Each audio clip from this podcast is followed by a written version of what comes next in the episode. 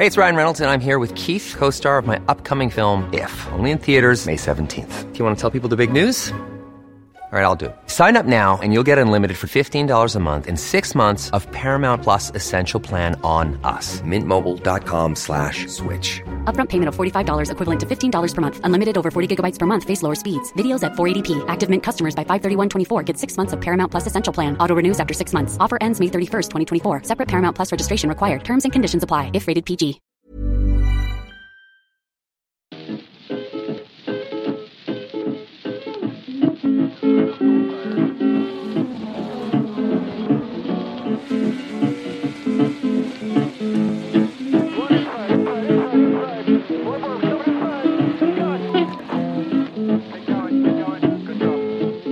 I wanna know where my easy rider goes. Said I wanna know where my easy rider goes. She's an easy rider, she'll ride all so long. Gott folk, välkomna till Indiepodden avsnitt 47. Ivar 47. Eh, det är racevecka och inte vilken som helst. Det är alltså säsongsavslutning i St. Petersburg, Florida. Och det hela kommer ner till två titelaspiranter. Det är Scott Dixon och det är Joseph Newgarden. Eh, Jakob Fredriksson och Gergay Farkas, hur, hur många delar pepp över upplösningen kontra melankoli över att säsongen tar slut nu på söndag känner ni? Oj. Mm, det var en bra fråga. Jag måste nog säga att det det är lite 50-50. Jag, ska, jag säger precis detsamma. 50-50. Ja, det, det, det kommer bli jätteroligt att få, att få reda på hur den här säsongen slutar. Men också lite, jag vet inte om jag vågar säga det här sammanhanget, men lite så här lättnad över att säsongen tar slut. Ja, det är skönt att cirkeln är sluten och man får ett avslut på den här kaossäsongen. Vi har ju redan snackat upp St. Pete en gång. Ja, och sen så helt plötsligt så var det ett break där på tre månader. Kommer ni ihåg det? Ja, Så det, att gå tillbaka till en, alltså nästan till en planerad vardag, vilket jag hoppas att säsongen 2021 kommer att bli. Det ser jag på något skumt sätt fram emot nu. Och det är ju inte så lång tid vi har att vänta sen inför nästa säsong. För det är väl tre månader från och med nu här säsongsavslutningen tills det, det börjar ta fart igen va? Någonting sånt, där det ju Något blir. sånt. Det här är ju en särskilt sen säsongsavslutning. Det var länge sedan en Indycar-säsong gick in emot alltså, sista helgen i oktober. Nej, jag känner, delar den tanken att det är faktiskt lite skönt trots allt. Men det är nog för att det har varit så otroligt intensivt och för min del så får jag, man hittar ju alltid motorsport att titta på året runt såklart. Men just eh, sett till hur den här säsongen har utvecklat sig med turbulent det har varit och hur många eh, hur många race som har varit på tider som inte har varit förut och så. Det känns som att man skulle vilja resetta här nu, reflekte- reflektera lite för Indiepodden fortsätter ju såklart efter säsongsavslutningen. Vi ska eh, summera eh, året som har gått lite och sådär. Men, eh, men på något sätt landa i det här lite nu och tänka tillbaka och reflektera och så framförallt blicka framåt och ladda om batterierna. Jag tycker det ska... Ja, det är tråkigt kanske men jag känner också 50-50. Det är ta det, det onda med det goda. Mm, skönt att sätta punkt också. väldigt svenska svar vi gav allihop på den här frågan. lagom är bäst. Vi är lagom nöjda och lagom glada över att säsongen tar slut, men lagom ledsna också. Men om man säger så här då, någonting som inte är lagom, det är vår agenda för idag, för vi har mycket att prata om idag. Eh, Men först måste vi adressera det som bara blev offentligt någon timme innan vi släppte förra veckans avsnitt av Indiepodden. Eller så låt mig säga så här, efter vi spelade in avsnittet på tisdagskvällen Jakob, så jag klippte ju kvar, klart avsnittet. Och där, så vi pratade ju väldigt mycket om just Oliver Askew eh, och McLaren-affären då, om att Oliver Askew skulle lämna dem här nu inför, inför efter säsongen då. Och vi pratade om det liksom en betydande del av podden. Och så klicka på publiceringsknappen, andas ut, gå in på Facebook och så bara pang! Felix Rosenqvist går till McLaren inför 2021 var det nyheten här då bara jaha? Nähä? V- v- Jakob och Gegge, hur tänkte ni när den nyheten dök upp? Eh, Jag tänkte att det här vill jag få bekräftat. Eh, Det här var en nyhet som ja, lades upp, det var ju motorsport.com som eh, gjorde breaking news av det. Men det bekräftas ju inte av någon med någon insikt i affärerna, utan det här är ju ett rykte. Jag, jag, jag håller med Jakob, jag reagerar lite likadant. Men, men framförallt så reagerar jag på att det här var så extremt oväntat. Jag har någonstans i mitt bakhuvud när, när jag tänkt på det här och när vi har pratat om det här, jag har alltid utgått ifrån att, att eh, det finns liksom i princip ingenting som, som kan, eh, kan eh, Eh, skilja Rosenqvist från Ganassi just nu just här och nu. Det, deras planer är liksom eh, sammansmälta. Och det, det, här kom för mig i alla fall som en slags blixt från klar himmel. Om det nu finns någonting vettigt bakom det här som ännu är ett rykte. Ja, och i de här lägena så vill man ju såklart springa på bollen då. Det är därför det är så bra med Jakob som säger, men vänta lite, mm. nu, får vi, nu får vi ta det lite lugnt här. Men spekulera kring detta ska vi såklart göra här och nu idag mm. då, men, men mest för att det är så förbannat jävla kul. Verkligen. Men eh, för, först och främst kan vi berätta att eh, det, alltså vi kontaktade alltså Felix i stab på, om man kallar det för det då, på onsdagen för en kommentar och vi fick liksom följande svar och jag citerar. Vi kan bara konstatera att det rör sig om ett rykte och som sådant avböjer vi alla att kommentera. Vi har inget att berätta för tillfället och mer information förväntas inte komma ut innan St. Pete. Ja, mm. slutcitat. Mm. Ehm, så så, så i alla fall det officiella läget just nu men eh, vilket såklart är ett, det är väl ganska förväntat svar egentligen. Ja, absolut. Det är, det är precis vad, man, vad jag förväntade mig att vi skulle få från det hållet. Om, om det nu är en, eh, en affär med ett annat team på gång som kommer att tillkännages i samband med sista racet i helgen så ja, det finns ingen anledning för någon egentligen att, eh, att yppa något kring, kring det här. Mm. Um, om det nu verkligen finns någon sanning bakom, då är det ju trots allt någon som har läckt någonstans. För någonstans ifrån har ju det här nått mm. uh, motorsport.com som, som jag tror var först med, med att sprida det här. Men ja, det är ju mm. spännande i alla fall. Mm. mm. Men och, och med det så sagt, låt oss prata lite spam. Mm. Ja, vad, vad, vad, skulle liksom eh, anledningen vara för, för Rosenqvist att vilja lämna Ganassi om vi tar det från det hållet? Ganassis teamorder-blunders på Indianapolis Harvest Grand Prix. Det gick ju inte något vidare med det. Han förlorade ju, ja, första loppet så förlorade han ju säkert en pallplats för han gav 10 sekunder till Dixon. På andra loppet så förlorade han hela loppet. Så det kan ju vara det. Han var irriterad på stallordrarna, eh, på, eller eh, depåstrategin på första Iowa-loppet när han var ute på gamla däck väldigt länge. Och så är det många småmissar som har liksom eh, försatt honom i mittfältet mest hela året. Han är ju bara 10 poängen. Så potentialen har de inte levt upp till. Och det är kanske Nej. därför Felix har alternativa strategier inför 2021. Men du, du Jakob, eh, Ronny också för den delen, men du Jakob som har följt Indycar sedan eh, Dackefejden ungefär. Mm. Eh, har, du, har det varit tydligt att Felix lider av att han inte är första förare? När det gäller de här strategimissarna i teamet och sånt. Nej, Dixon har inte varit immun mot det heller, men Dixon har erfarenheten av stallet. Han, vet, han känner alla, han har känt alla sedan länge. Eh, han har en ny, i och för sig, ny eh, chefsmekaniker, Mike Cannon, som dock varit med i Indycar länge och har ju väl drömt om att jobba med Dixon väldigt länge. Mm. Eh, jag tror att det, Felix är inte så naiv att han tror att han kan ta uppmärksamhet ifrån Dixon in, inom, inne i stallet, utan Dixon borde han, sätta, borde han se upp till som en slags mentor. Det finns inget egentligen heller som tyder på att eh, Felix disrespects Dixon på något sätt. Men eh, alltså, han är inte kört ifrån Dixon heller.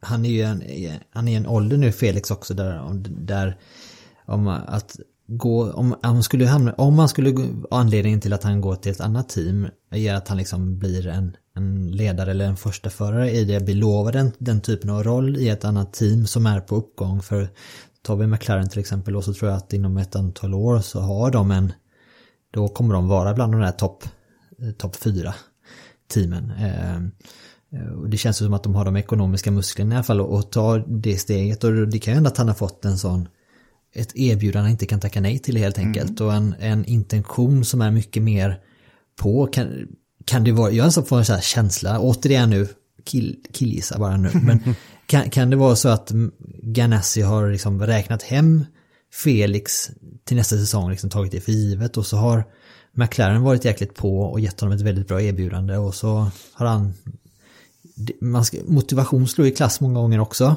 Och känner man en väldigt tydligt intresse från ett, ett annat team så fasen varför inte liksom? Ja, alltså det är absolut ett väldigt möjligt scenario. Uh, McLaren är ju nya-ish i Indycar. De köpte upp Schmidt-Peterson-stallet. Uh, det är ett stall som är fortfarande under uppbyggnad. Mm. Och eh, nu inför i år så satsar de stort på två unga förare, varav den ena hade ett stipendium på en miljon dollar, så klart man tar upp det.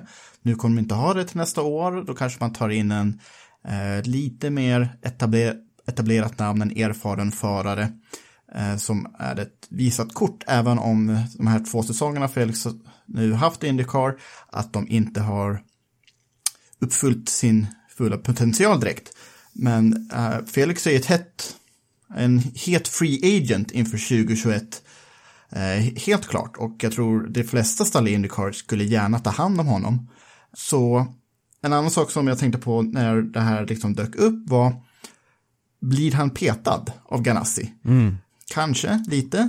Uh, kanske också det att Ganassi kanske tar honom för givet. Men det finns, ja, jag vet inte hur jag ska ta vägen med det här nu. Ett djupt andetag. Ja. Lugna ner dig. Jag vet inte, någonting jag kom att tänka på, kommer ni ihåg när vi hade med Stefan Johansson sist? Och pratade. Ja, Ja, inför klart. Indy. Och Stefan Johansson är ju både Scott Dixons och Felix Rosenqvists manager. Kommer ni ihåg vad otroligt angelägen han var om eh, sin nästa resa? Han skulle till eh, loppet som vi höll på att snacka upp. Vilket det nu var. Ja, han sa att han, det var många möten han behövde gå på i vilket fall som Exakt, helst. det var väldigt många möten och väldigt mycket som skulle falla på plats. Du tänker att det började, det, kan det ha börjat redan då att, eh, att dra sig trådar menar du? Ja, det kan ha, det kan ha varit så. Men någonting som jag funderat på, på på egen kammare det är lite det här att det måste ha varit en väldigt, måste vara en väldigt prekär situation som Stefan Lillövers Johansson har som manager för, för två toppförare som Felix och Scott och har dem i samma team. För målet för en manager inom det här, inom det här gebitet är ju att få Liksom, du har en förare och så ska du sätta den personen i en så gyn- gynnande, gynnsam position som möjligt i ett så bra team som möjligt. Nu har man två riktigt bra förare och ska i samma team. Det kan undra, frågan är hur eh, om det kommer liksom skapa ännu bättre möjligheter framöver här nu om de inte sitter i samma team. Nej men det kan vara situationer där, där det är liksom svårt att hitta förhandlingspositioner som gynnar båda dina, dina förare. Och en annan sak om Ganassi, eh, det är att Ganassi är ofta väldigt hård mot sina för- förare. Ifall de inte levererar och de inte bidrar med massa sponsorpengar så brukar de åka ganska fort. Eh, Det hände med Ed Jones som hade sitsen innan Felix. Det hände med Brian Herta på 90-talet, eh, början av 2000-talet så hade han Nikola Minasjan eh, som kom från Formel 3000. Han höll i fem lopp ungefär och sen kom Memo Gidley in och han höll säsongen ut och sen blev det eh, helt nya förare säsongen efter. Och det finns ett antal förare som bredvid Dixon har hållits med väldigt kort koppel. Liksom. De har haft en säsong. Medan när Charlie Kimball körde Ganassi, då höll han ut där i 5-6 år för att han hade pengar. Trots att han bara tog en enda seger på de, eh, jag kommer inte ihåg hur många säsonger det var, men det var ett antal. Så va- var den sisten ganska säker för Kimball. Eh, Ganassi har inte lika mycket, många sponsorer som till exempel Penske eller, eller Andretti. Så han måste vara hård med sina förare. Och här har vi ju NTT, NTT Data är väl på väg att lämna Indycar va? Det har jag faktiskt inte hört någonting om. Inte jag heller. Men ponera, ponera detta då. Vem är bättre än Felix som finns på marknaden just nu? Vem hade kunnat ta den här bilen och fått bättre resultat? Nej, det tror jag inte det finns många som skulle kunna göra. Det, det, Mm, och eh, Ganassi, om man inte kan få någon som betalar för sig så kommer han ta den bästa föraren. Det var därför han jagade Felix så länge. Eh, och eh, nu verkar ju alternativet vara för Ganassi eh, Jimmy Johnson och Tony Kanan. Eh, Kanan har kört Ganassi tidigare. Eh, inte jättefina resultat, men Kanan är ju en eh, viktig karaktär. Så att eh, snacket går lite att Kanan ska köra ovalerna för Ganassi nästa år. Och så Jimmy Johnson då, sjufaldig Nascar-mästare, men 45 år gammal och bör- ska bara köra road courses i Indycar som han aldrig gjort förut. Så då kommer in, inte en chans att den kombon kommer göra bättre ifrån sig än vad Felix skulle göra. Nej, tanken är att det skulle bli en fjärde bil också. Nu frågan är vad, om, det, om de planerna har ändrats på något sätt. Men det finns ändå gott om eh, rookies i år som har gjort eh, bra ifrån sig. Eh, Vi har både, vi har både Oliver, vi har Ryan's VK och vi har Alex Palou liksom. Sen, sen är det om det är en fråga om pengar så har ju Ryan's VK har ju gott om finansiering i, i ryggen. Ehm, så att ja, det, det, det känns lite som att om och återigen, detta, om detta nu stämmer och detta går igenom så ska det bli intressant att se hur Chip Ganassi som team får bekänna färg kring vad ambitionsnivån ligger för den här den andra bilen i teamet. Mm, men som sagt, det verkar inte bli några nyheter om detta innan St. Pete. Så vi får fortsätta spekulera på det här, på det här eh, förmodligen några veckor till då. Ja. Men, men fördelarna med att gå till McLaren för Felix skull, vad skulle det kunna vara? Vad skulle fördelarna kunna vara? Nu har vi varit in, lite inne på det, men skulle vi kunna lista några fördelar och några nackdelar med att gå till McLaren? Jag vet inte om det är en fördel eller en nackdel, men någonting som jag har sett folk nämna i diskussionsforum på nätet där sånt här diskuteras, det är ju eh, att eh, budet från McLaren skulle vara sockrat med eh, någon slags spår till Formel 1. I och med att McLaren, McLaren såklart är, är eh, aktiva i Formel 1. Det tror jag faktiskt inte ett smack på.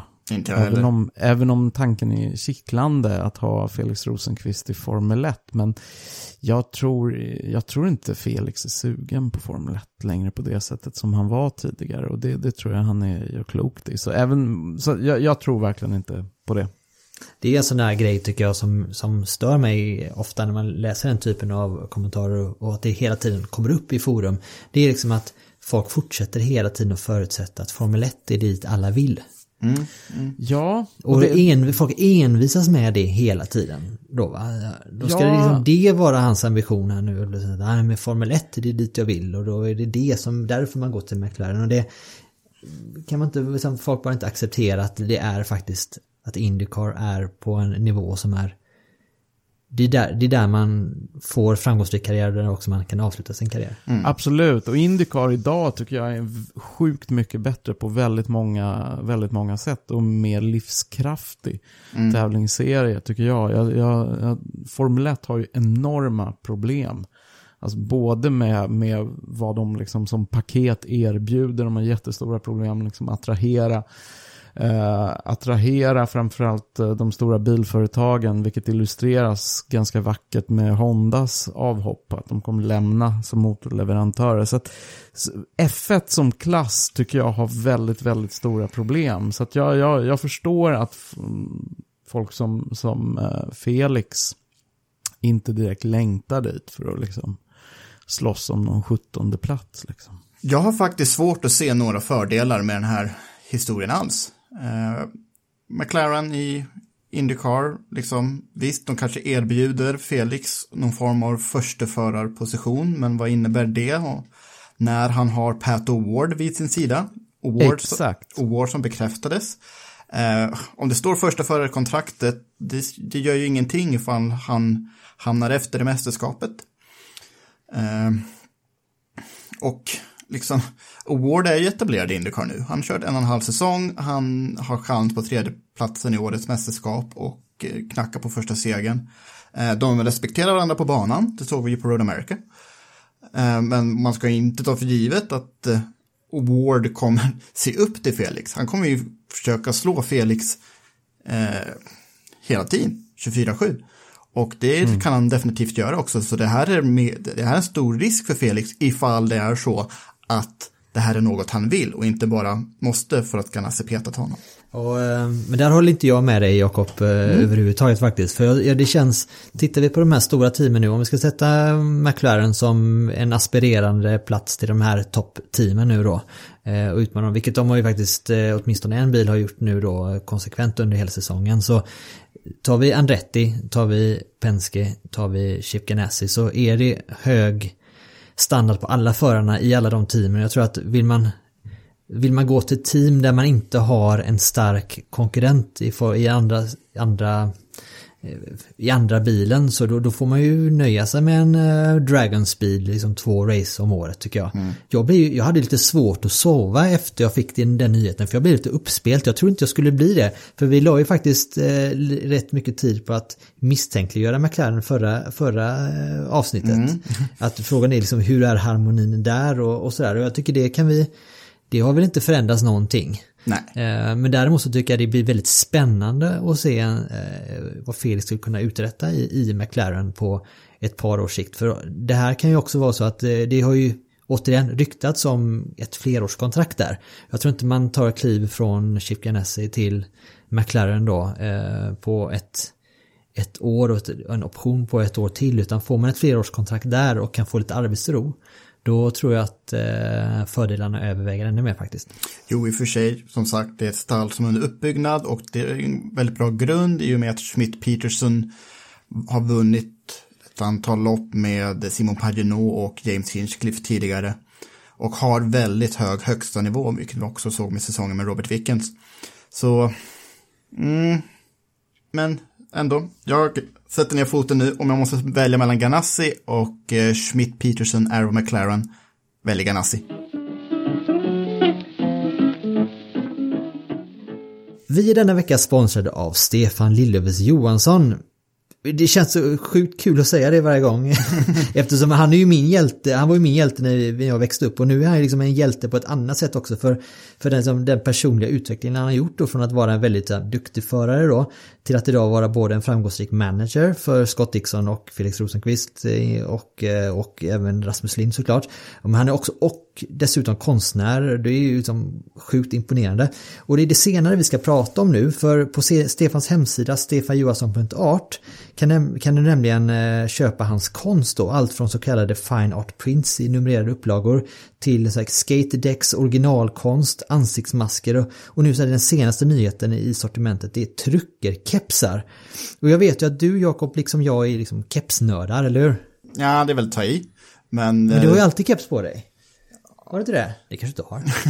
jag, har, jag har några så här eh, retro Nascar-kepsar, men nu när Stefan Johansson liksom har, har de här i sitt sortiment så visst vore det kul att lägga till en sån också. Det är ju motorsportrelaterat och det är liksom så jag tänker kring mina Ja, kepsar då. Gergej, du, hur är din, din relation till kepsar? Jo, jag har, eh, jag har en liten samling kepsar. Jag är egentligen ingen kepsnörd, men eh, eh, man får en hel del kepsar sådär längs eh, livets väg. Så jag har, jag har ganska många så här Formel 1 och motorsportkepsar. Och min absoluta favoritkeps det är en mörkblå Gulf-keps. Jag skulle precis nämna den. Är det Gulfkepsen som är favoriten? Ja, det är favoriten och den, eh, den plockade jag upp på en, eh, på en Porsche-tillställning i Le Mans för något år sedan. Och har kommit att bli en följeslagare.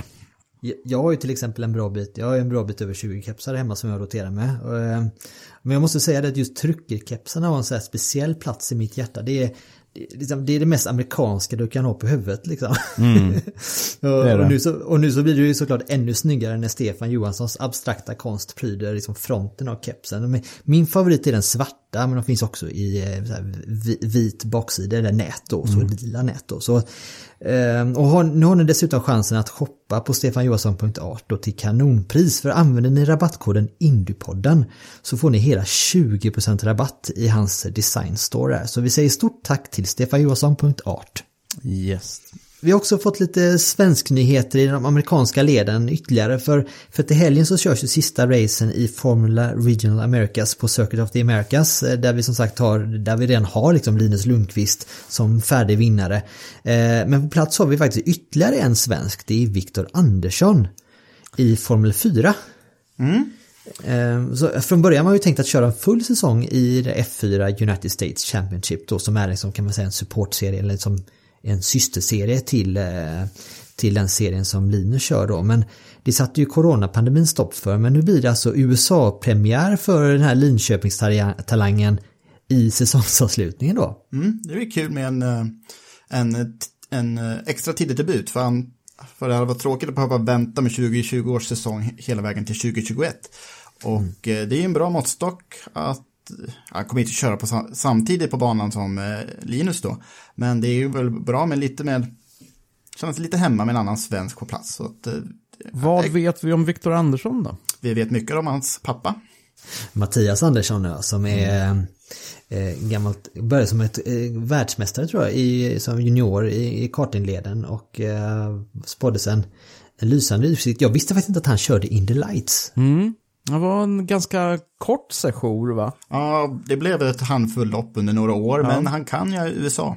Det vill, det vill säga, och hur svårt det kan bli i USA. Så att, jag tror inte att de då skickade över Viktor utan att ha förberett honom så gott det bara kan för att, att göra som Mattias och köra ett lopp per år och sen harva runt och sv- svårt få mat på bordet, det vill de nog inte utsätta sonen för. Eh, Så Viktor kommer nog väldigt förberedd till Kota då i Austin.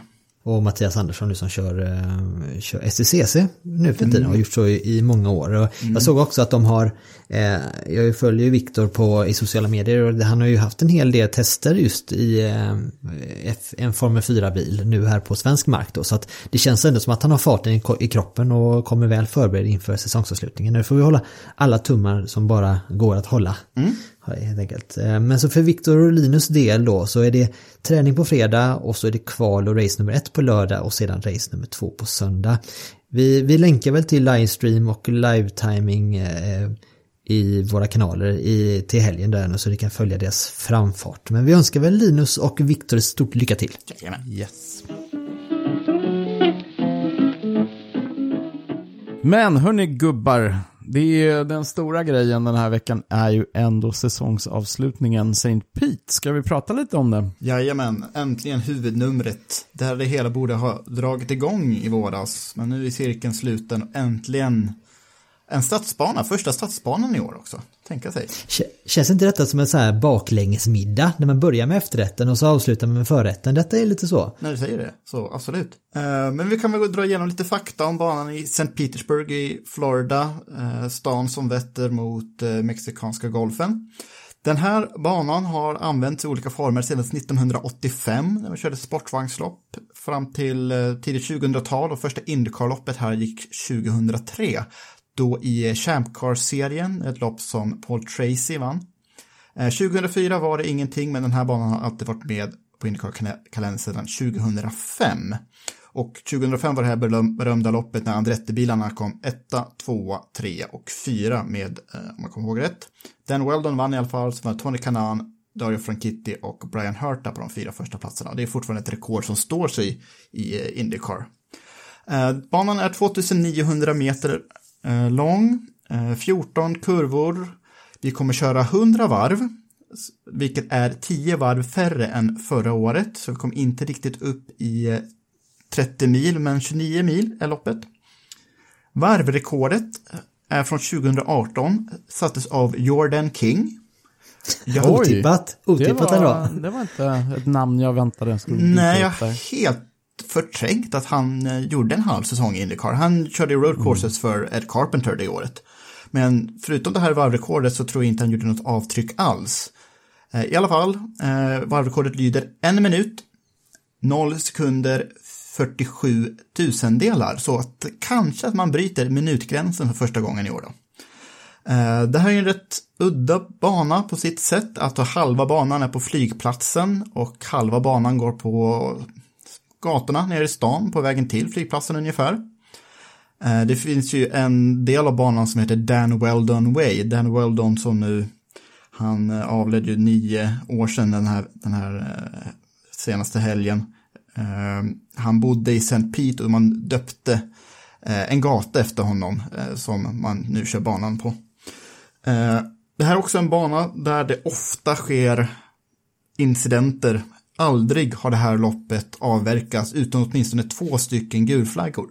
Alltså 16 Indycar-lopp och eh, minst två gulflaggor per lopp då, ofta ännu fler, uppemot åtta tror jag eh, rekordet är någonstans. Otroligt. Vi har ju, det är lite déjà vu då i och med att vi har sagt gjort den här uppsnacket inför St. Peter en gång redan förut då. Eh, men eh, vi, vi då, det var, jag tror det var Indiepodden nummer nio, så hade vi ju faktiskt Marcus på besök där som eh, berättade lite om banan ur sitt perspektiv. Jag tänkte vi kan väl dra en liten repris på det så, eh, så vi har det färskt i minnet. Mm. Ja, alltså det är ju en, en väldigt teknisk stadsbana eh, som ja, lite mer old school-hållet med inte så mycket eh, rum för misstaget. Gör en miss så sitter du i muren i stort sett. Så det gäller att vara fokuserad hela tiden och, och bygga upp farten under helgens gång. Eh, sen är det som alltid här, vart i USA, fick man lära sig, det, det är ju väldigt ojämna och jobbiga banor som, som vi kör på. Då. Så det är någonting också som man måste ha med i beräkningen. Men eh, en, en rolig bana att köra på Eh, än ändå en bana där man kan köra om då, som är positivt för att vara en stadsbana. Uh, eh, har sex stycken tidigare vinnare i aktiva Indycar, men jag tror bara fem av de här kommer till start. Vi vet inte än om Oliver Askew kommer att köra, men i alla fall. Uh, bland de tidigare vinnarna uh, så har vi Helio Castroneves, han har vunnit här tre gånger och det är flest av alla. ifall Askew inte kommer till start, så är det Castroneves som tar den styrningen, antar jag, an får vi lov att anta. Mm. Eh, Graham Rahal tog sin första seger i karriären här eh, 2008. Då var han 19 år gammal, han var då den yngsta någonsin att vinna i Indycar. Sen har även Will Power, James Hinchcliffe, Sebastian Bourdais och så Joseph Newgarden vunnit på St. Pete's gator. Så det här är en bana som Scott Dixon aldrig vunnit på, men Newgarden har. Mm, spännande. Och med, med tanke på det du sa förut om eh, alla gulflaggor på den här banan så det är, lär ju bli ett stökigt race om den trenden håller i sig. Ja, för man brukar väl säga att eh, när första loppet för året som det brukar vara att man kanske är lite konservativ, man kör lite försiktigt bara för att komma in i säsongen på bra sätt. Nu är det helt tvärtom. Nu kan man ju nu kommer ju alla vara en loose cannon, alla förutom Scott Dixon då. Så att det kan bli ett eh, incidentfullt lopp om man bara ska...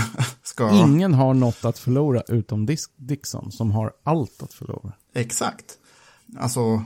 Det... Men på tal att ha någonting att förlora då, det är ju någon som antingen har någonting att förlora eller så har han inte någonting att förlora. Det är ju att, eh, det är ju att Scott McLaughlin gör ju äntligen Indycar-debut för, hos Penske då. Det är alltså sin debut i det sista loppet för säsongen. Vad tror vi om honom och hans förutsättningar? Jag tror att eh, Scott Dixon inte vill ha honom på banan, för det är en extra Penske-bil. Mm. Och eh, Scott McLaughlin är ju en supertalang. Han vann ju iRacing-serien i våras också, ska vi komma ihåg, inofficiellt förstås. Mm. Uh, McLaughlin som det inte officiellt ännu vad han kommer göra 2021. Han har i alla fall vunnit sin tredje raka Supercars-titel nere i Australien. Uh, han gjorde inte ett superbra Bathurst 1000 nu senaste helgen. Jag vet inte om ni kollar på det. Han men... slutade femma va? Ja, vilket är ju fem platser sämre än förra året. Eh, men det, det, den bil nummer 17 som man då delar med Tim Slade, den var aldrig riktigt och högg på Shane Van Gisbergen och Cameron Waters som dominerade loppet. Vilket överraskade mig lite. Det kändes som att McLaughlin kanske checkat ut redan från Supercars. I alla fall efter loppet så gjorde han blev ombedd att ge publiken, den lilla publiken som var där, något speciellt. Så han gjorde på cooldown-varvet så gjorde han ju jätteburnouts och uh, hade ju sönder halva bakvagnen när han hade sönder däcken där. Och kanske var det hans farväl till Supercars-publiken. Uh, det är mm. lite på känn det. Uh, inget bekräftas ja. än, men han har ju han, han är ju värd mycket för Penske. Penske tycker väldigt mycket om honom. Så. Men mm. kan det vara så att han nu till helgen alltså kör om ett, eh, om ett kontrakt inför nästa år? Eller tror du att det redan finns ett färdigt kontrakt som är liksom hans att förlora så att säga? Jag tror att han, om, om vi svarar på Ronnys fråga, jag tror att han faktiskt har lite att förlora ändå, för han kommer ju inte göra något överilat, han vill ju liksom, det är hans första riktiga tur i en Indycar, så han vill nog bara göra ett stabilt jobb, inte krascha någon gång, bara ta bilen i mål och eh, bygga därifrån. Jag tror inte att han kör för sin karriär här. Eh, det är mycket möjligt att eh, de som vet, vet att han kommer köra Indycar 2021. Men vi är inte någon av de som vet, men som sagt, det är på känn.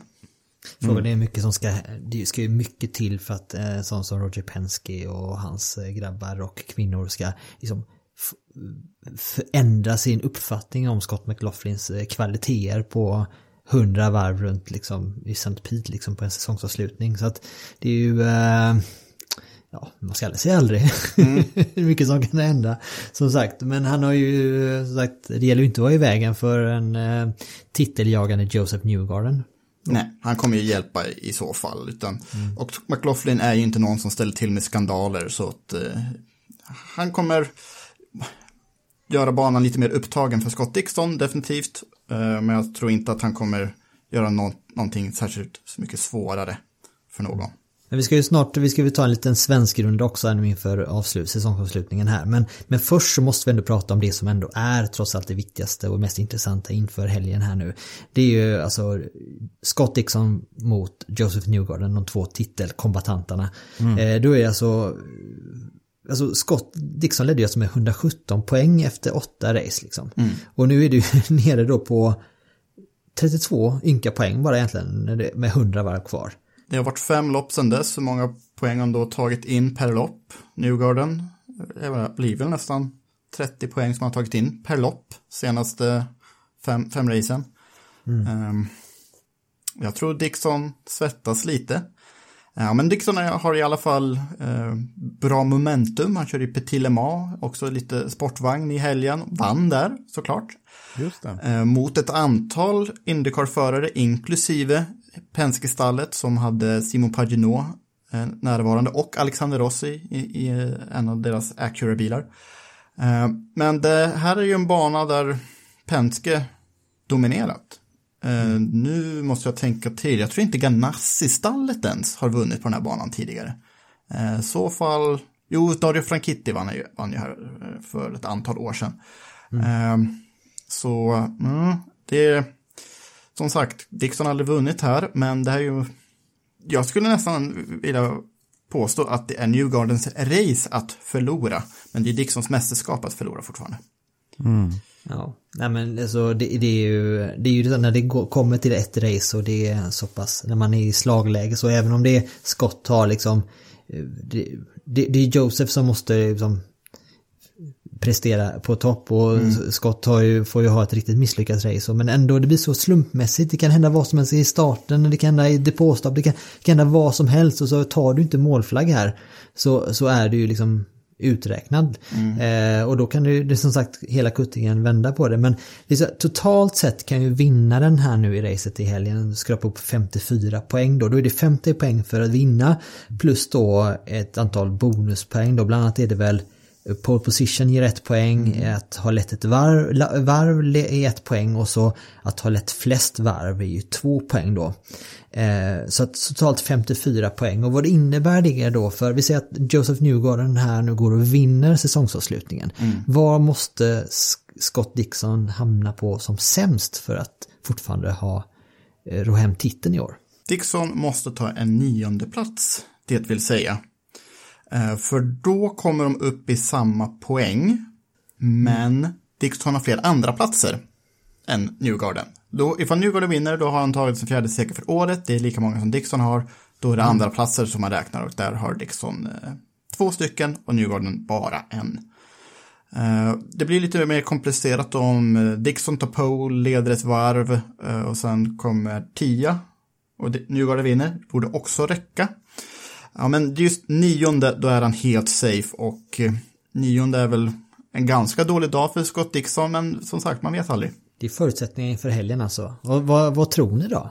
Garagay, vad tror du? Ja, min känsla säger ungefär det, det Jakob var inne på tidigare. Att det här, det här kan mycket väl bli ett riktigt bra race för Newgarden, men jag tror ändå titeln hamnar hos Dixon. Jag, jag tror Dixon är, är smart och kommer köra defensivt Och jag tror att det kommer bli ett stökigt race. Så han kommer göra väldigt rätt i att köra defensivt. För, för, för honom är det ju så mycket som står på spel. Det är en stadsbana, det är en stadsbana som vi vet brukar bli stökiga race på. Så att han har all anledning att hålla sig ur vägen för stök. Men den Newgarden har ju inte så mycket annat att välja på än att eh, bara gå för, gå för en straight flush av poäng och försöka få alla de här 54 poängen som, som uh, ligger på bordet. Och då, måste, då kan man inte safea, man kan inte vara defensiv. Så att jag tror att det kommer bli ett väldigt intressant, kul race om de verkligen så fullt ut kör strategierna så som jag föreställer mig att de borde. Om de tänker som jag, vilket jag tycker de borde, då, då, kommer, de, då kommer det bli ett kul race. För då kommer vi få se en så här hyperaggressiv Uh, Newgarden mot en defensiv Scott Dixon. Det är Newgardens lopp att förlora. Det, eller det blir Penskes lopp att förlora. Penske har varit så himla bra här så himla länge. Så, mm.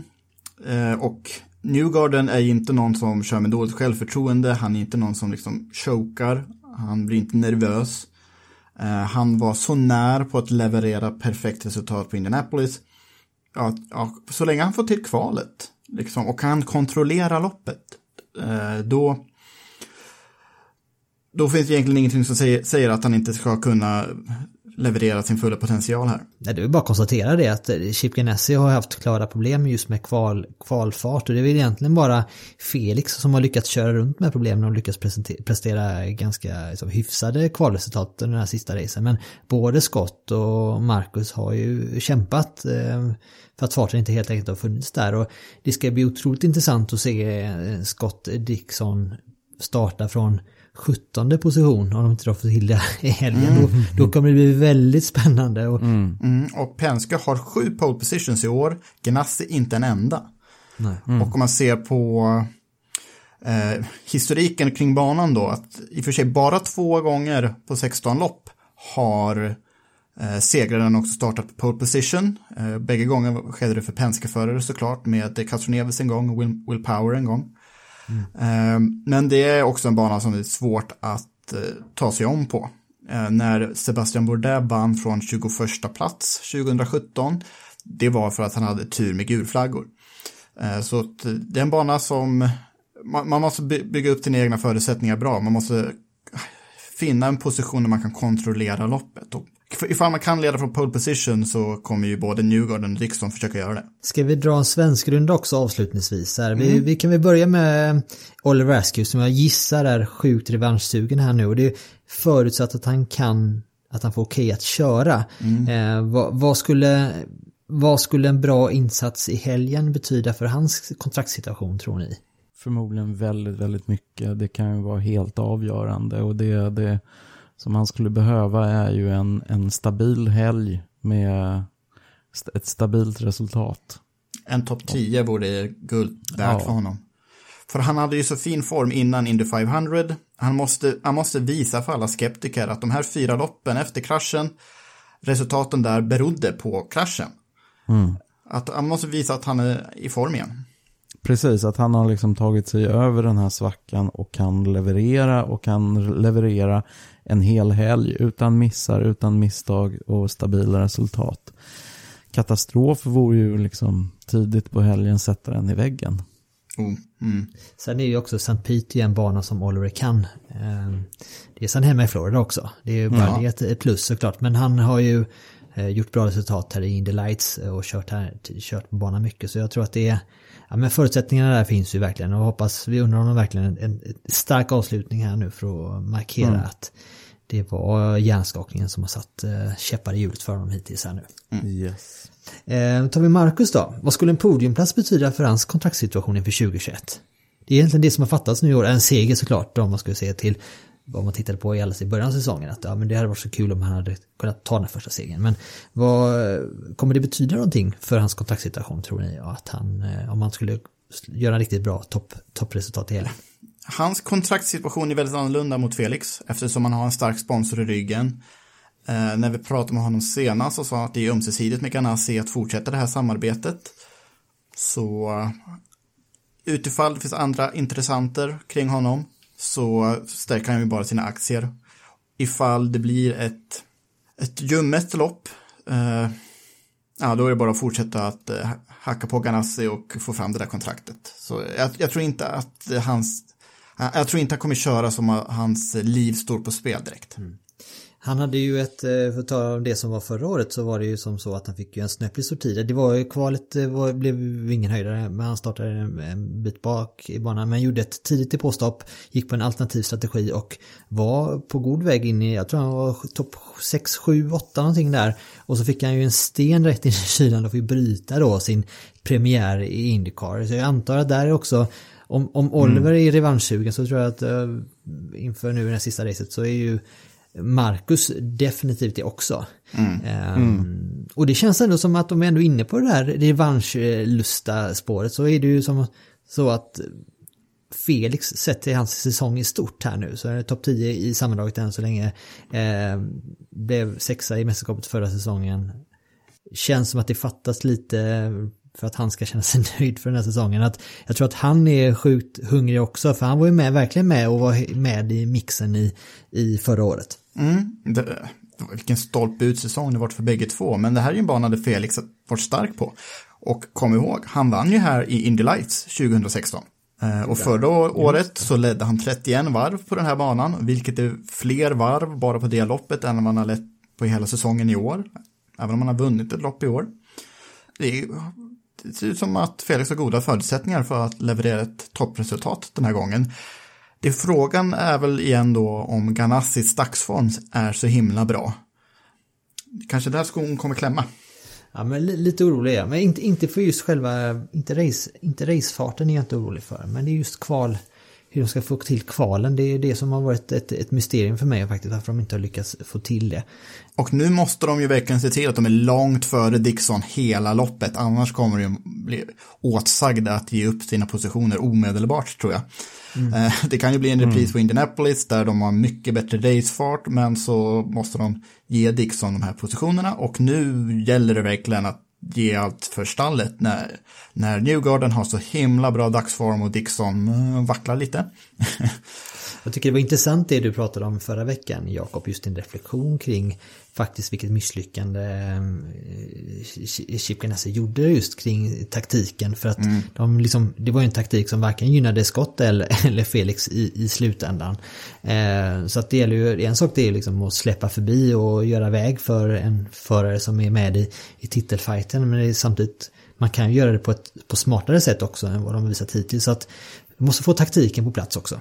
Vad tycker ni om stallorder? Bara rent generellt. Generellt? Mm. Hmm. Ja, jag är för.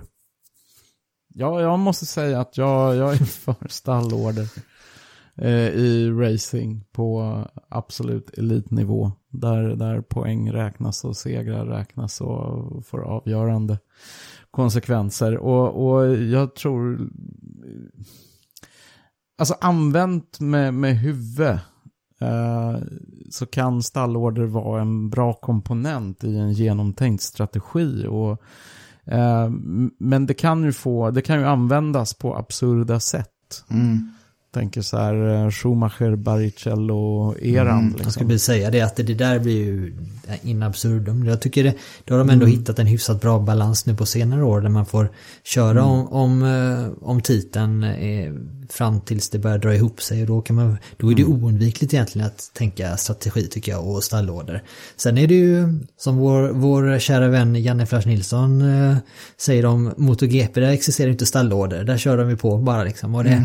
Det är såklart, det är väl egentligen att föredra men det, jag tror att det är, precis som du säger Gerge, det är, det är oundvikligt på den här nivån. Det beror lite på vad det är för läge. Jag menar i det här läget om Ganassi går in och, och har stallorder som en del av sin övergripande strategi. Kanske som, som strategi B, C eller D om, om huvudstrategin fallerar. Så jag skulle definitivt tycka att det var rimligt. Det är ju en titel som står på spel och det är ett race liksom. Så, um, men, men jag fattar också att från, förar, från förarperspektiv så är det kanske svårt, svårsmält mm. att bli tillsagd och släppa fram. Felipe Fernando is faster than you. Please confirm that you understand Exakt. this message. Det, det är väl också absurdum när det var en period i Formel 1 där stallord egentligen inte var tillåtna, men det, man kommer alltid runt det på någonting. Ja. Då säger jag så att jag avskyr stallorder. Jag tycker det är så himla skönt med MotoGP. Det var ett ytterligare fantastiskt lopp i Aragon igår. När Suzuki, eh, deras egentliga första förare, men inte han som ligger först i mästerskapet.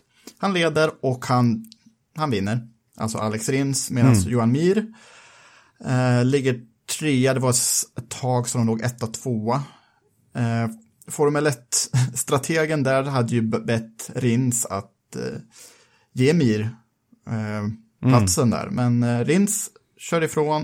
Eh, Mar- Alex Marquez körde om Mir och så blev det Suzuka, Suzuki etta, trea istället. Och eh, jag minns med vånda många gånger i DTM där Mattias Ekström fick lov att ge någon annan Audi-förare plats eller ja. Eller så kraschas det en Mercedes kör in i en Audi eller det ena och det andra. Det händer ju helt absurda saker i DTM ett tag. Och så självklart Schumacher Barrichello-eran är fortfarande sur över Österrike 2002. Eh, Så jag tycker inte om det, men Nej. i det här fallet det är ett nödvändigt ont för Dixon utifall han har en till off-helg. Ja men det, därför tycker jag Indycar har en bra balansgång där egentligen. För man ser ju inte med skymten av några teamorden normalt sett. Eh, förrän liksom det ställs till sin spets. Som till exempel här nu inför sista racet. Så att eh, man får väl... Det kanske är så återigen, Indycar är den bästa av två världar helt enkelt. Lite MotoGP, lite Formel 1. Lagom. Som- Lite lagom. Lite lagom så. Himla svenskt alltså. Ja. Men ska vi, eh, ge, ska, vi, ska vi våga oss på varsitt stalltips här nu inför helgen också? Vem tror ni tar hem segern på St. Pete? Jag tror på Alexander Rossi. Förutom Newgarden då, som jag har tjafsat om nu hela avsnittet. Äh, men eh, Rossi har ju faktiskt fyra pallplatser på rad nu. Eh, ifall han kommer på pallen här så kommer han ju tangera Dixons facit för i år med sex pallplatser. Och det trodde vi inte för fem lopp sedan när Rossi låg, som, liksom låg på 18 plats i mästerskapet eller någonting. Och han vill avsluta den här skräpsäsongen för hans del med en seger. Det är jätteviktigt för honom. Så han kommer vara en loose cannon om någon. Jag tror, jag tror alla får svårt mot Newgarden. Jag tror han är så toppmotiverad och, och satsar stenhårt. Så Jag tror Newgarden tar racet men förlorar mästerskapsstriden. Vem kommer tvåa i racet då? Felix Rosenqvist. All right. Då kommer inte Dixon trea, fyra, femma eller sexa med andra ord. Enligt ditt tips. Kanske inte. Ronny? Jag eh, satsar lite vilt här nu. Jag tippar Graham Rahal som vinnare i helgen. Ehm, varför Ja. då? Nej, men han, han har haft en väldigt...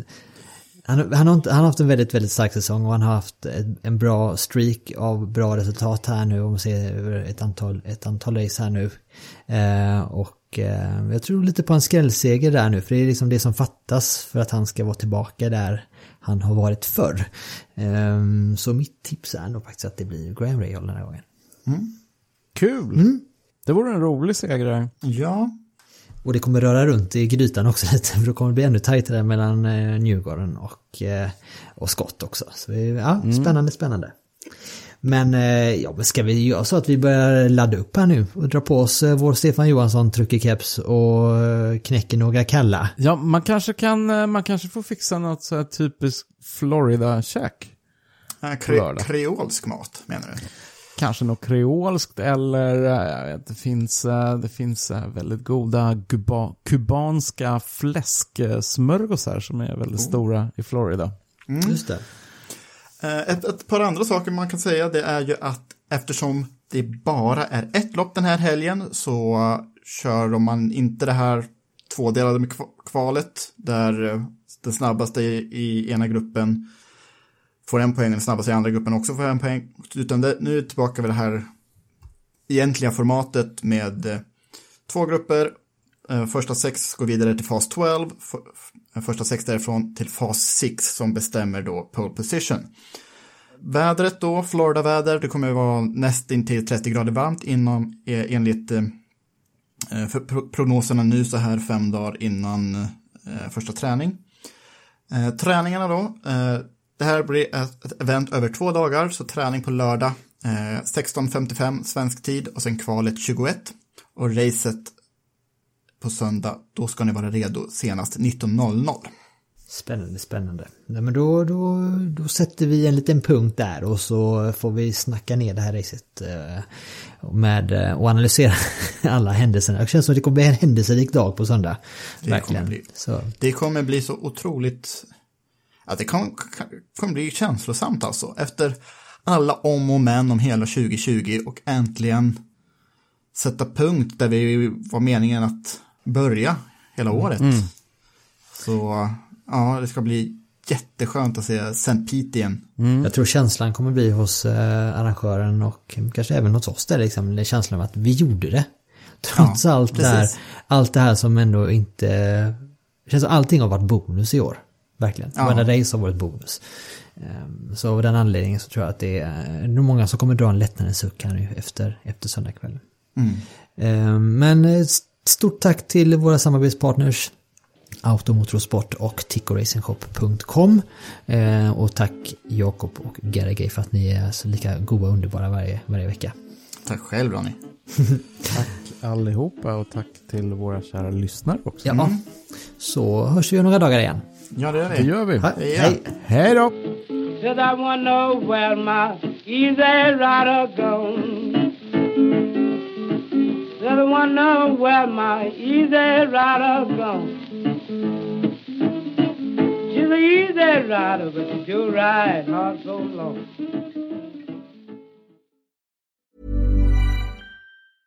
Hey, it's Paige DeSorbo from Giggly Squad. High quality fashion without the price tag. Say hello to Quince. I'm snagging high-end essentials like cozy cashmere sweaters, sleek leather jackets, fine jewelry, and so much more. With Quince being 50 to 80% less than similar brands. And they partner with factories that prioritize safe, ethical, and responsible manufacturing. I love that. Luxury quality within reach. Go to quince.com slash style to get free shipping and 365 day returns on your next order. Quince.com slash style.